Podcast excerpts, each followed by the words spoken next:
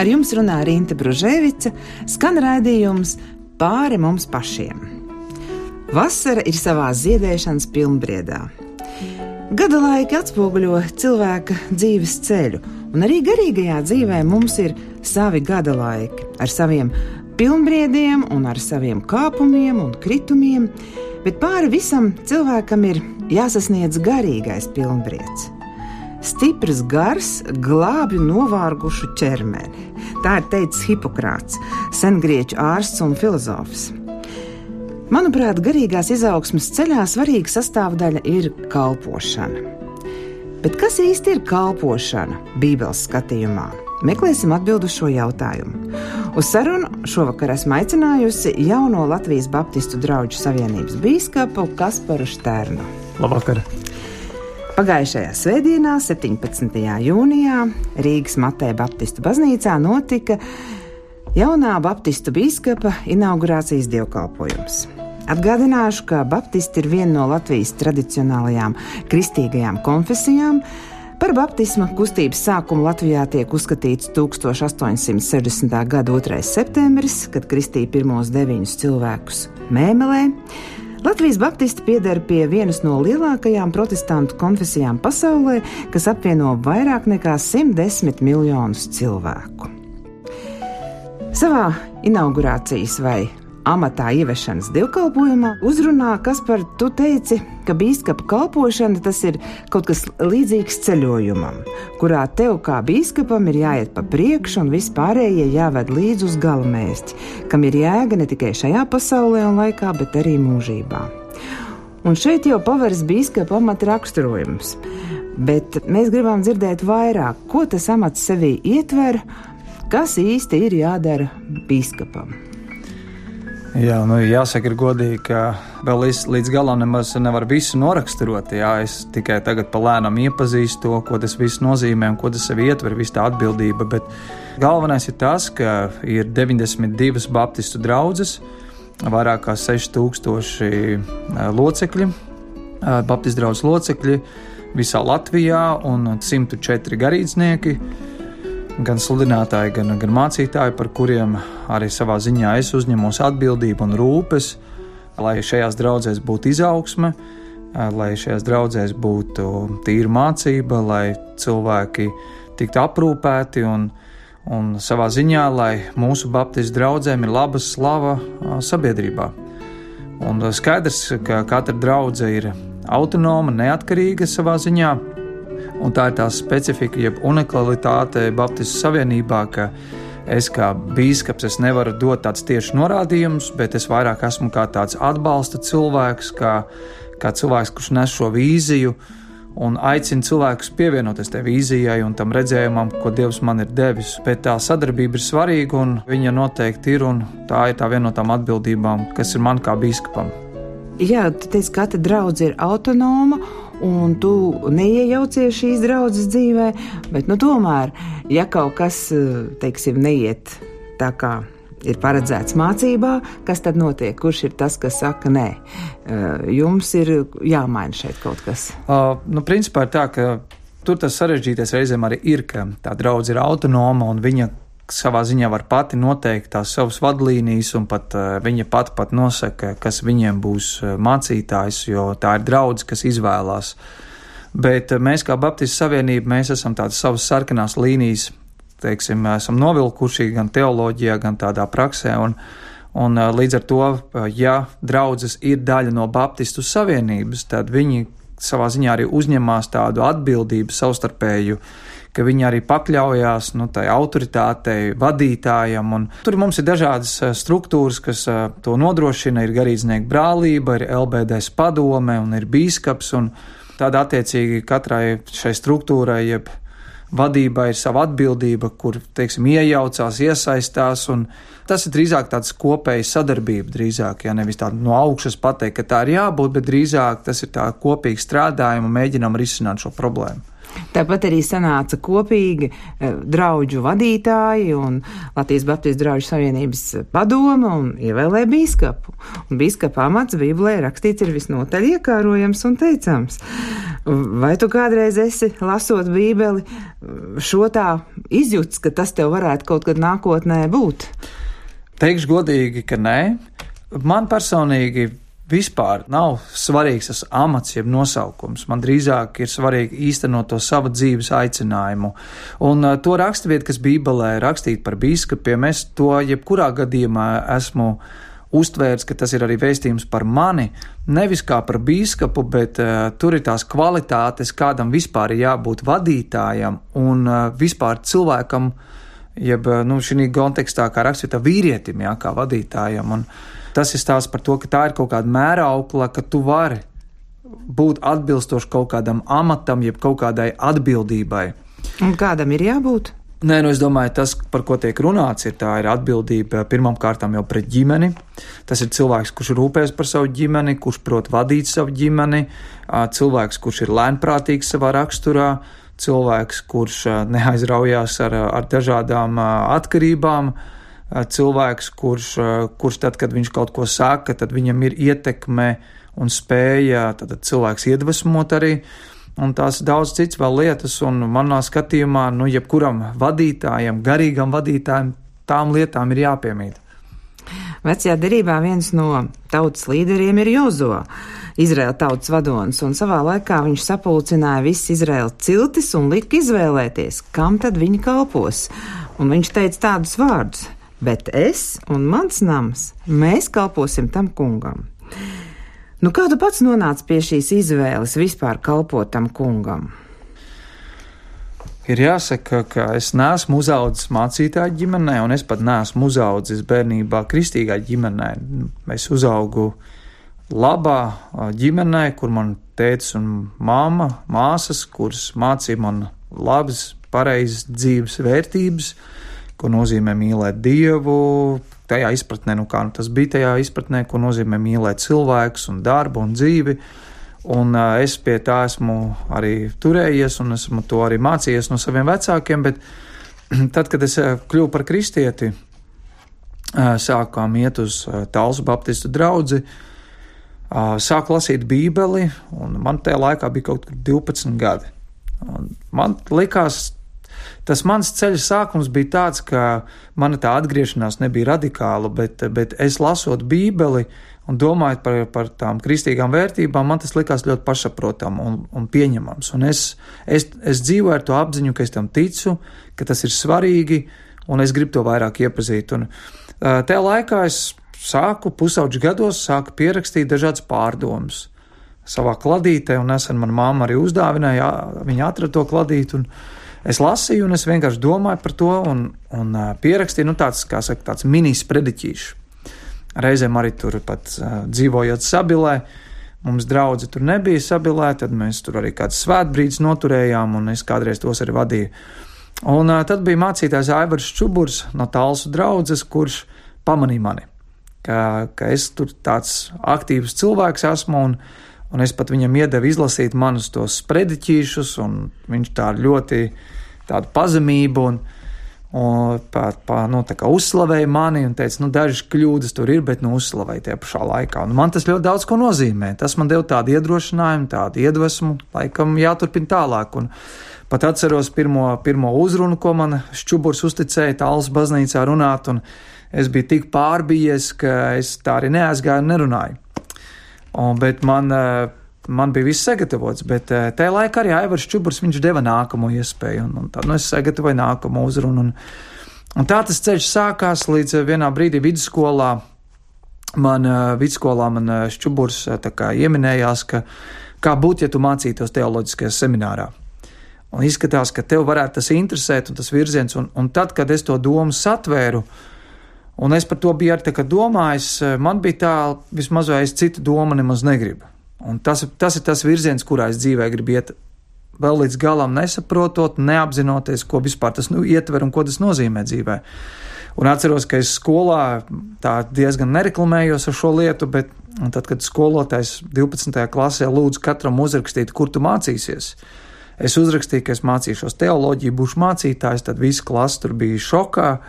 Un uh, mans klases audzinātājs, uh, viņš pat paaicināja mani pie sevis kabinetā, un, un viņam, nu, no kurienes tev šī doma radās? Kāpēc? Nu, kādā sakarā to es gribu būt par mācītāju? Un tad es viņam izstāstīju.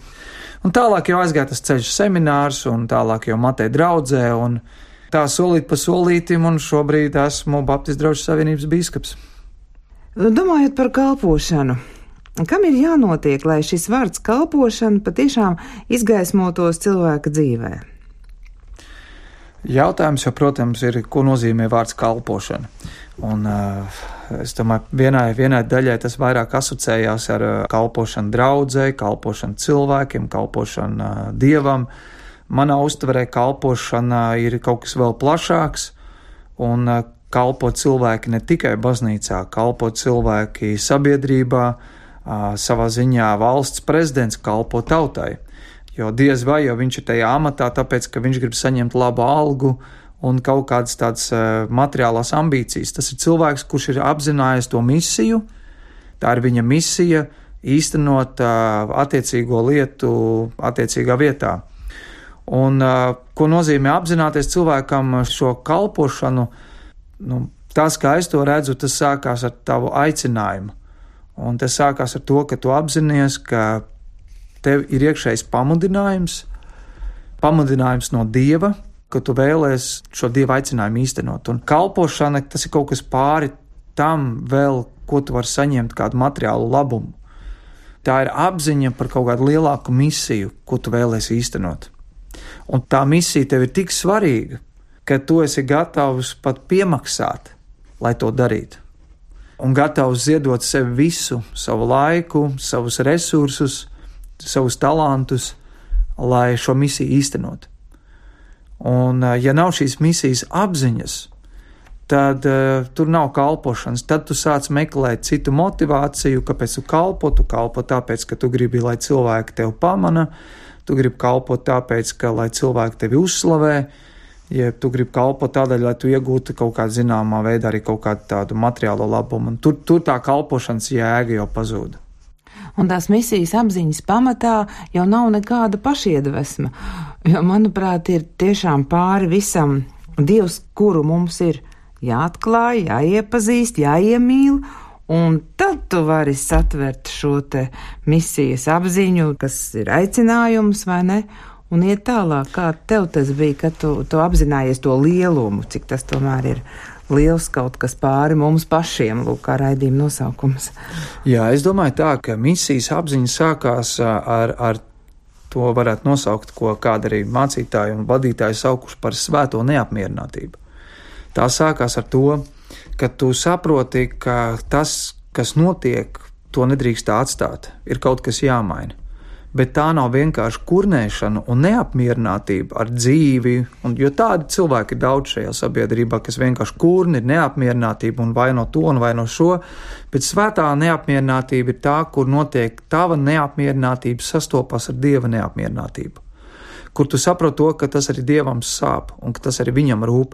Kā labs piemērs ir uh, Nehemija kurš eh, vecajā derībā, par kuru mēs varam lasīt, kurš eh, dzīvoja labu, labu dzīvi savā ziņā, jā, ārpus savas, savas tautas, ārpus savas valsts, bet, eh, bet viņš dzīvoja ar labu karjeru, viņš bija pietuvināts valdniekam, ļoti augstā amatā, savā ziņā labi atmaksātā amatā, kā vismaz varētu spriest tajā laikā. Un tad, kad viņš dzird, kas ir noticis ar Jeruzalēmi, kas tajā laikā priekš izrēliešiem bija tiešām kā reliģisks centrs un simbols, par to, ka šie mūri ir sagrauti, viņā rodās šī sāpe. Šī iekšējā neapmierinātība, un tā nav vienkārši tāda sāpe, vai cik žēl, ka tā ir noticis, bet viņš saprot, ka Dievs viņā to ieliek iekšā šo sāpi, un viņš satver to, ka patiesībā tā ir neapmierinātība pat no Dieva puses.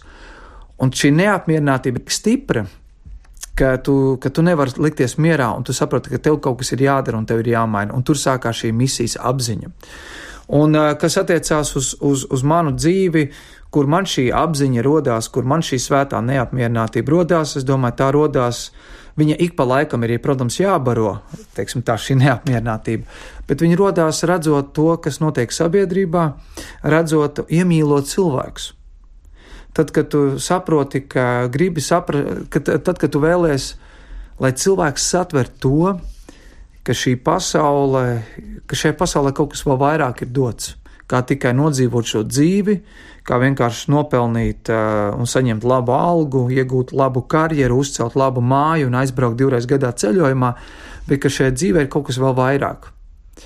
Un uh, šis vairāk ir tiešām ar šo mūžības skatījumu, ja, ka Dievs cilvēkam ir paredzējis kaut ko daudz vairāk. Un, un tad, kad tu saproti, ka ir viena daļa cilvēki, kas dzīvo pilnīgi to ignorējot, vai, vai aizliedzot, vai neapzinoties to, tad tu saproti, ka tā ir tava misija palīdzēt tiem cilvēkiem to satvert un ieraudzīt. Ka ir Dievs, ka Dievs ir pār visam, ka Dievs vēlas būt klātesošs šodien, un tiešām šie Jēzus vārdi Dieva valstība ir jūsu vidū, redzēt to, ka mūsu pilsētās, kā mūsu valstīs, tiešām var būt šeit Dieva valstība klātesoša, un ka, ka cilvēki apzinās, ka Dieva valstība, kas mums sagaida mūžībā. Un, Un tā ir, tā ir mana misija, uz ko es dzīvoju. Un, un tad, ja es kādreiz šo fokusu zaudēju, tad pietiek man pastaigāt pa ielām, pietiek man parunāt ar cilvēkiem, iepazīt cilvēkus tuvāk, dziļāk. Un es sapratu to, ka viņiem pietrūks šīs divu valstības klātbūtnes, un reizēm es pat apzinos, ka man pašam pietrūkst viņas, un ir atkal no jauna jāsatver. Tur tas aicinājums arī sākās, tur tā misijas apziņa arī sākās. Kāda ir kalpošanas veidi, jo reizēm šis vārds tiešām tāds mulsinošs, jo draudzēs cilvēki runā, un mums ir tāda kalpošana, un tur ir bērniem, svētdienas skolas, tur ir koris, arī sauc kā kalpošana, tur ir sporta kalpošana, tur ir par veciem cilvēkiem tiek domāts arī kalpošana, vai visas tās ir kalpošanas? Nu, protams, jā, mēs tās visas varam nosaukt par kalpošanu, un, un Nu, atkal, nu, kalpošana tiešām var būt jebkas, gan draudzē, gan ārpus draudzes, kur cilvēks, kur cilvēks otru noliek augstāk par sevi, un kur viņš to, ko viņš dara, viņš dara nevis savam godam, nevis savam labumam, bet teiksim, tā dieva godam un par svētību cilvēkiem. Un, un, un ja tas ir darbs ar bērniem, kur cilvēki to dara tādēļ, ka viņi vēlas iepriecināt bērnus, tādēļ, ka viņi vēlas, lai bērni iepazīst, iepazītu Dievu, lai, lai bērniem uh, būtu varbūt labāka dzīve pēc tam. Uh, ja vienalga ģimenēm kalpot, tā, protams, ir kalpošana. Ja? Un tie veidi var būt dažādi. Un, un, un, un es domāju, aizvien vairāk jau draudzēs sāk to apzināties. Jā, jā agrāk vairāk likās, nu, kas ir kalpošana. Mācītājs sludina, mācītājs apciemo cilvēks mājās un izdala svēto vakarēdienu, tā ir kalpošana. Nu, vēl dziedāt korī vai. Vai aiziet arī uz slimnīcu pie kāda slimnieka? Jā, apciemot. jā. Uh, un kas noteikti ir kalpošana, bet, bet tas, tas mūsu redzējums ir arī, ka mēs vēlamies, lai katrs cilvēks, kurš ir daļa no draudzes, apzinās, ka arī viņš ir aicināts kalpot ar tām dāvanām, ar tām spējām, ko Dievs viņam ir devis. Un, un tādēļ ir draudzes, kur pat ir sporta kalpošana no savā ziņā. Tu kalpo cilvēkiem, izmantojot tādu platformu kā sports, kur tu cilvēkiem vari būt par svētību, kur tu cilvēkiem vari palīdzēt, kur tu cilvēkiem vari kaut ko vairāk iedot kā tikai sports. Un tas sports ir tikai kā platforma, ko tu vari izmantot, kur, kur iespēja satikties, kur būt iespēja kopā. Un, bet tur cilvēks var iet plaši un, ja vien ir šie divi mērķi, būt par svētību cilvēkiem un dievu, dievu godam, tad tā var būt kalpošana. Man patīk, kā tu teici, otru vērtēt vai nolikt augstāk par sevi. Tātad kalpot var arī ārpus draudzes. Sakarā ar iepriekšējā biskupa Pētera Sproģa lēmumu piedalīties aktīvāk valsts pārvaldes dzīvē, iestājoties partijā saskaņa, ir izskanējuši ļoti dažādi viedokļi sabiedrībā. Kāds ir tavs viedoklis par viņu lēmumu? Jā, nu, pirmkārt, ir es kā biskups, es, tas, kā es uzskatu, un, un, un tas, ko es gribu, lai cilvēki saprastu, ka ka mēs kā Baptistu savienība mēs nepārstāvjam vai mēs neatbalstam vienu politisku partiju, vienu politisku spēku, un mēs eh, cienām cilvēku apziņas brīvību, un mūsu draudzēs ir cilvēki, kas pieder dažādām partijām un kas atbalsta dažādas partijas, un es pat drīzāk teiktu, daudz svarīgāk būtu eh, Tas mans aicinājums ir tāds, ka nebūt pasīviem, bet būt aktīviem un iet, balsot, un, ja Dievs aicina, iet un iesaistīties arī kādā no politiskiem spēkiem. Tas sarežģītais ir tajā visā, ka neviens politisks spēks nav kristāli tīrs, un eh, tie procesi tur ir ļoti sarežģīti. Nu, un kompromisi arī ir bieži. Un kompromisi, un, un ir, ir patiesa un ir nepatiesa lietas, un tas ir tas sarežģītākais, kur reizēm liekas, vai vispār kristietis, kurš pastāv par ideāliem, vispār tur var pastāvēt. Un vai vispār viņam tur vajag būt? Tad es uzskatu, ka kristiešiem ir arī jābūt politikā, tāpat kā jābūt uzņēmē darbībā, tāpat kā jābūt skolās un slimnīcās. Un Protams, tas nozīmē būt arī pakļautiem tiem spēles noteikumiem, kā tur arī ir. Šī gadījumā, kas attiecās uz Pēters Sproģi, tas ir viņa personīgs lēmums kā Latvijas pilsonim, un viņš absolūti uz šo neiet kā bīskaps emeritus, kā pārstāvs no baptistiem, viņš nav ievēlēts kā pārstāvs, lai iet un tagad kandidētu un Līdz ar to ir cilvēki, kas viņu atbalsta, un ir cilvēki, kas viņu neatbalsta. Un tīri personīgi es varu teikt to, ka es novērtēju to viņa drosmi, apzinoties, un tik cik ir nācies dzirdēt to smagumu, nu, tas nav bijis viegls lēmums, un uh, es domāju, viņi sagaida daudz izaicinājumu un, un kritikas un tā tālāk, bet es novērtēju to, ka viņai ir šī drosme, drosme iet un kaut ko darīt. Jā, cits jautājums, ko cilvēki var izvērtēt un dažādi uztver, vai vajag tajā partijā, vai vajag citā partijā, tas ir cits jautājums, un tur Pēterim Sproģim pašam ar to ir jātiek galā, to, to izskaidrojot. Ja? Bet eh, ko es gribētu teikt, ir, ka, redz, un, un es domāju, ka šādi cilvēki mums ir vajadzīgi Latvijā, kas nevis meklē vainīgos, kas meklē, kur ir problēmas un māk tās uzskaitīt, bet mums ir vajadzīgi cilvēki sabiedrība, nu, savā ziņā ir ar šo misijas apziņu Eh, lai ko tas man maksātu, lai ko tas maksātu arī manai reputācijai. Es esmu gatavs iet un darīt un rīkoties. Un, eh, jā, nu, savā ziņā arī man atsaucoties tam manam aicinājumam, kā biskupam, zinot to, kāda personība pirms manis ir bijusi, jā, arī priekš manis tas bija milzīgs solis. Jo es no vienas puses apzinājos, ko tas nozīmē, no otras puses neapzinājos.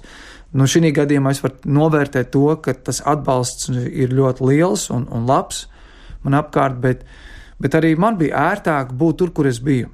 Un palikt tur, kur es esmu, un darīt to, ko es daru. Bet bija šī iekšējā apziņa, ka Dievs uz to aicina, Dievs uz to paskubina, un es, es vēlos vairāk uzticēties tam Dieva aicinājumam, nekā vienkārši tam, kā es par to jūtos, un vai es sadragāšu, vai es pacelšu savu reputāciju. Savu skanējumu turpina raidījums pāri mums pašiem. Šovakar domājam par to, kas ir kalpošana Bībeles skatījumā.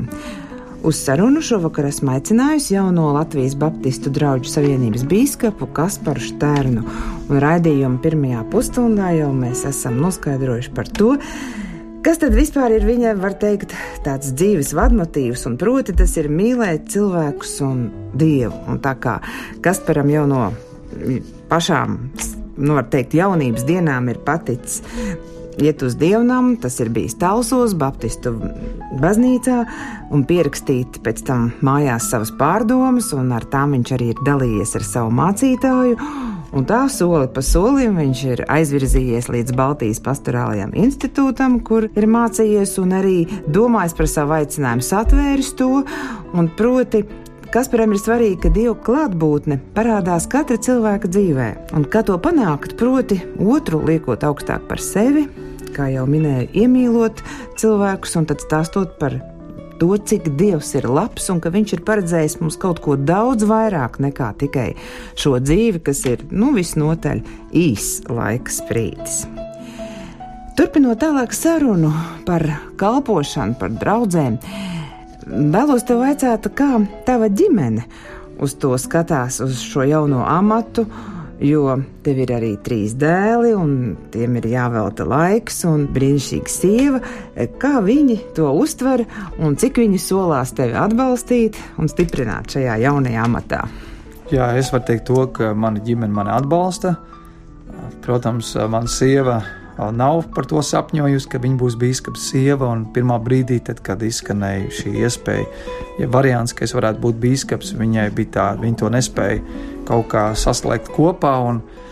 Viņai vajadzēja laiks, lai to apjaustu un saprastu, bet viņa ir noteikti atbalstoša. Viņa arī savā ziņā vēlas arī saprast to, kas varētu būt viņas tā loma visā tajā, lai nebūtu vienkārši kā biskups sieva, bet arī visā tajā atbalstoša. Un mani dēli, nu, tik cik viņi saprot, ko tas nozīmē, jo, jo mans jaun, jaunākais dēls, trīsgadīgais dēls, viņš ir pārliecināts, ka es esmu pasaules biskups. Un, un lai tā arī būtu, un es priekš viņu esmu pasaules biskups, un viņš iet bērnu dārzā, un viņš saka saviem, saviem draugiem, pāvests, jā, viņš saka, ka mans teicis ir biskups, jā, un tie bērni skatās ar lielām acīm, un uh, viņiem tas neizsaka neko. Bet uh, es domāju, ka Viņi tik cik viņi to apzinās, viņi ir atbalstoši, un, un es, es gribu darīt to, to vislabāko, kas ir iespējams no savas puses, lai parādītu to, ka tas ir liels gods, un, uh, un tas ir kaut kas fantastisks un aizraujošs būt ar tādu aicinājumu, tādā kalpošanā, lai viņiem, lai kāds būtu viņu dzīves izvēle, par ko viņi gribēs kļūt, lai tomēr viņi var teikt, nevis es, es negribu to darīt, tāpēc ka mans tēvs tāds bija bet uh, es drīzāk varbūt gribu to darīt, jo arī mans tēvs tāds bija un to darīja. Un, un, uh, lai, un tas, protams, sākās ar to, ka arī es viņiem dalu nedalīt uzmanību un veltu laiku, un es ar viņiem runājos un stāstu un parādu to, ko tas nozīmē, un, un cik tas ir tā, kā, kāda tā ir privilēģija būt ar tādu kalpošanu, ar tādu amatu. Un, un to, tas, tas, tā, ir, tā ir tā mana misija, un, un un savā ziņā arī parādīt to, ka priecājies un, un baudi, izbaudi to, ko Dievs tev ir līdz sirdī, un ej uz to. Lai ko tev tas maksātu, ja tu tam tici, ka Dievs tev ir uz to aicinājis, ej un to dari, vienalga, kas tas būtu. Ja? To es gribu saviem dēliem iemācīt. Un viens no taviem izvirzītajiem mērķiem ir jaunu draugu veidošana. Un tu pats esi dibinājis misijas Baptistu draugu ādažos un kalpojis tur kā mācītājs, vai tu turpinās tur kalpot? Jā, būšu joprojām kā viens no mācītājiem. Nu, kāpēc tev tas ir svarīgi? Varbūt vajag stiprināt jau tās draudzes, kas ir. Abas, abas lietas ir svarīgas. Ir svarīgi, ka mums ir stipras, augošas, esošas draudzes, un tas viennozīmīgi ir tāds mūsu pamats mūsu Baptistu savienībai, bet tajā pašā laikā es apzinos to, ka, un, ja mēs paskatāmies uz Latviju, tad ir vietas Latvijā, kur, kur nav mūsu draugs, un kur pat tad, ja ir, būtu vajadzīgs pat vēl kāds jauns draugs. Un, un tas ir jāskatās ar tādu plašāku skatījumu, nevis, ka draudzes ir kā tagad kā tādas konkurences vienotrai, bet tas ir stāsts atkal par to Dieva valstības klātbūtni. Caur to mēs gribam patiesībā nu, nest Kristus vēsti cilvēkiem. Un eh, jo vairāk draudzes mums būs, jo vairāk cilvēks mēs spē, spēsim aizsniegt. Jo šīs jaunās draudzes atkal var nākt ar tādu jaunu pieeju, ar jaunu varbūt pat modeli vai formu, kā viņi var uzrunāt cilvēks.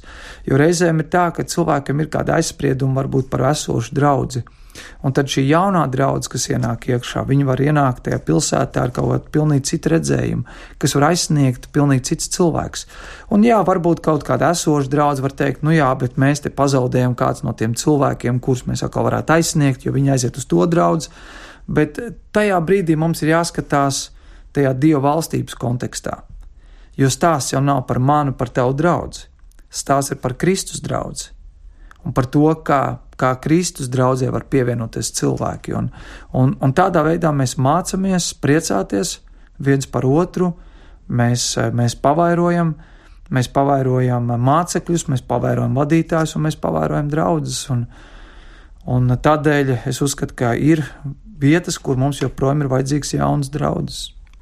Un kādās telpās notiek dievkalpojumi šajās jaunajās draudzēs? Netiek jau celtas baznīcas mm. uzreiz dievnam. Jā, nu, tas tā atšķirība iespējams no, no kādām citām konfesijām ir tā, ka mēs to uzsvaru liekam uz, uz draudzi kā organismu, uz, uz cilvēku grupu, kas sanāk kopā. Līdz ar to tā telpa, kur sanākt, viņa pat nav tik svarīga, īpaši sākotnēji. Skaidrs ir labi, ka draudzi var sevi asociēt ar kaut kādu lokācijas vietu, bet ir dažādi formāti. Ir draudzes, kas sanāk kopā pa mājām, tās īpaši, kas vēl nav lielas. Ir draudzes, kas sanāk kultūras namos, aktu zālēs vai kādās citās īrētās telpās. Un, un tad ir draudzes, kas, kas sāk domāt jau varbūt arī par savu īpašumu.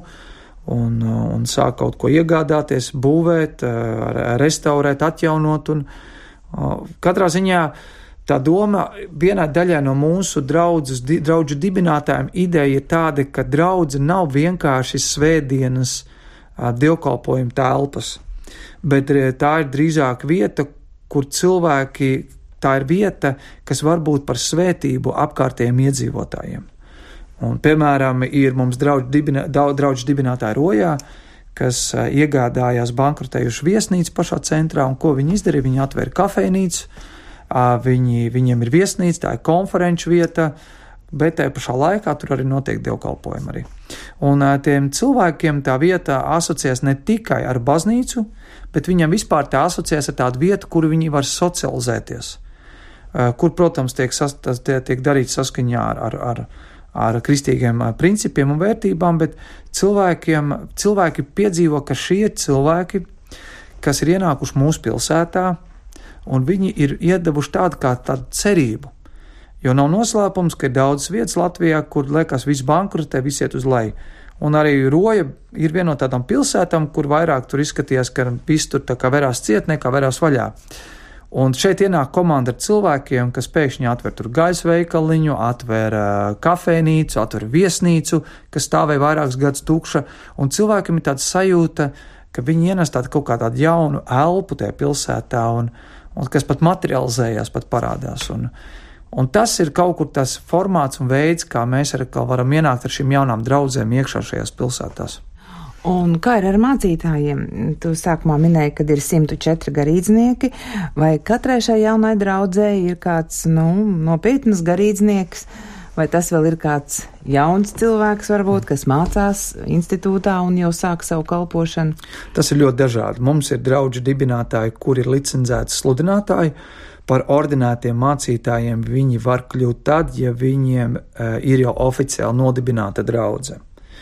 Uh, bet ir kādi, kas jau ir ordinēti mācītāji, tādēļ, ka viņi nāk no kādām esošām draudzēm jau kā mācītāji. Un, uh, viennozīmīgi tas ir vadītājs, kuru mēs izvērtējam, kurš iziet cauri apmācību, kuram ir piešķirts, uh, nu, mēs viņus saucam par mentoriem, uh, kas regulāri ar viņu tiekās, domā, kā viņu atbalstīt, uh, kā viņam palīdzēt. Un, un tad, uh, tad jau tālāk ir svarīgi, ka viņam ir izveidota komanda un ka viņš nav viens pats bet ir, tie ir mūsu Baptistu savienība atbalstoši cilvēki. Jā.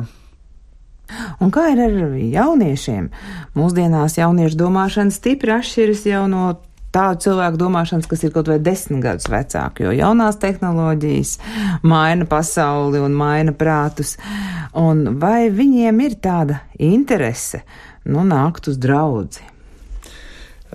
Es domāju, ka tas ir mainījies, un agrāk man strādājot Matē draudzē un tieši strādāt jauniešu kalpošanā, mēs piedzīvojam ļoti interesi, lielu interesi un atsaucību no jauniešu puses būt un nākt kopā, un, un cilvēku dzīves tur mainījās, un, un cilvēki pievērš savus dzīves Kristum un, un iesaisties aktīvi draudzē. Varētu teikt to, ka jā, kaut kādā ziņā kaut kur tas ir mainījies, un, un varbūt mēs pat redzam to, ka trūkst nu, tāda. Tāda aktīva jauniešu iesaistīšanās draudzēs viņa ir, bet viņa prasītos, ka viņa būtu lielāka. Un, uh, es domāju, tā, ka jaunietim interese par dievu nav zudusi, bet uh, iespējams, ka mūsu draudzes īsti nav atraduši to veidu un to valodu, kā ar šodienas jaunieti komunicēt un kā viņu, ar viņu runāt. Un jaunieti tu nevari aizsniegt, ja tu visu laiku viņu kritizē un nosoda. Uh, tev ir viņš arī jāiemīl, tev ir jāiemīl arī viņa īpatnības un untumi, un tas tie, tie, tie viņu hormoni arī, un tas viņa mainīgums. Un jaunietim, es domāju, redz, viņam ir svarīga piedarība. Reizēm pat tā vēsts nav tik svarīga sākotnēji kā piedarība. Jaunietis grib piederēt kaut kam, kas ir liels, kas ir aizraujošs, jauniet, jaunietis meklē garīgos tēvus un mātes, un, un tādēļ eh, jauniešiem palīdz tad, ja ir kustība. Ja ir kustība, kas var piesaistīt eh, nu, lielu skaitu jauniešu, un tad viņi jūtās, ka viņi kaut kam pieder, viņi sāk sevi asociēt, viņi sāk to savu identitāti tam piedēvēt. Ja, un, nu, piemēram, tādā sekulārā vidē, ko es varētu nu, paņemt kā tādu uh, salīdzinājumi, ja kaut kādā ziņā ir, teiksim, nu, tie paši geto games, kas ir Rīgā ļoti spēcīgi un patiesībā visā Latvijā spēcīga kustība. Un tas jaunietis, viņš grib sevi asociēt ar to, viņš grib tur piederēt, viņš grib tur iet, viņš grib būt tur klāt. Un, Viņš ir gatavs pat uh, savu mājās pielīmēt geto games novelcenīt, jā. Jo, jo tā ir kaut kāda kustība, kurā ir jaunieši, kur notiek tas, kas viņam patīk, un ka viņš var drusku sajusties lepns, ka viņš tam pieder. Un, un redziet, draudzes sāk panīkt, un ja draudzēs nav tāda izaugsme, ja draudzēs nav, ja draudzēs nav vadītāji, kas var iedot tādu vīziju un tādu cerību, ja, jauniešiem grūti sevi asociēt ar to. Viņi negrib tam pieslēgties un reizēm pievienoties. Un tad, ko mēs redzam, jaunieci iet uz draugu tāpēc, ka, nu, labākā gadījumā jau viņi vecāki iet uz draugu. Viņa omīte iet uz draugu, bet, nu, pienāk viens vecums, un viņš saprot, ka, ka viņam tas nav vajadzīgs. Viņam parādās sava doma, savs viedoklis, savi argumenti, un uh, tie draudzes argumenti īsti viņu vairs nepārliecina. Ir jāmeklē jauni veidi, jauni ceļi, kā mēs ar jauniešiem runājam, parādīt to, ka mēs viņus mīlam un ka viņi nav tikai mūsu nākotne, bet viņi ir mūsu tagadne. Jā, lielais dzīves jautājums daudziem cilvēkiem ir atrast dievu, meklēt un atrast. Un, un cits meklē jau no bērnības, un, un cits sāk kaut kur jau pusmūžā vai pilnbriedā, un cits tikai pašā vecumā. Nu, un daudzi arī atrod un piedzīvo viņa klātbūtni. Ko tu teiktu vai novēlētu tādam meklētājam, kurš šobrīd mūs klausās un domā, nu, kurā virzienā tad man tagad stūrēt? Jā, nu manā, manā skatījumā attiecības ar Dievu, lai kā mēs gribētu to ar prātu satvert, un prātu mēs izslēgt nevaram no tā, tomēr tas ir tāds sirds lēmums. Un, kā Bībelē teikts, bez ticības tu nevari dievam patikt. Tātad bez ticības nav iespējams dievam tuvoties. Un, un ko nozīmē ticība? Ticība reizēm nozīmē arī pārliecību par neredzamām lietām. Pārliecība par kaut ko tādu, ko tu līdz galam nespēji aptvert, izskaidrot un izmērīt un nosvert.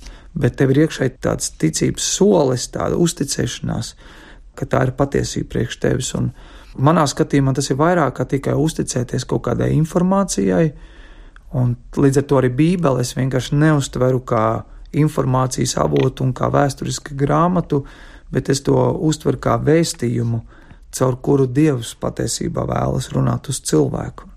Un eh, tāds labs eh, tāds salīdzinājums Bībelē ir, kur Jēzus eh, runā uz draugu, un viņš saka, es klauvēju pie tavām sirds durvīm, un ja tu atvērsi, es iešu un turēšu ar tevi mīlestību. Un ir viens tāds mākslinieks, kurš ir uzgleznojis tādu gleznu, kur ir šī aina, kur Jēzus klauvē. Bet tur ir tāda interesanta lieta, ka nav tas kliņķis, jeb rokturs. Un tā kādi tur tam māksliniekam pārmet un teica, tu esi kaut ko nespiezīmējis klāt, tur nav rokturs. Un Jēzus jau nevar atvērt tās durvis, un viņš teica, nē, tur viss ir pareizi.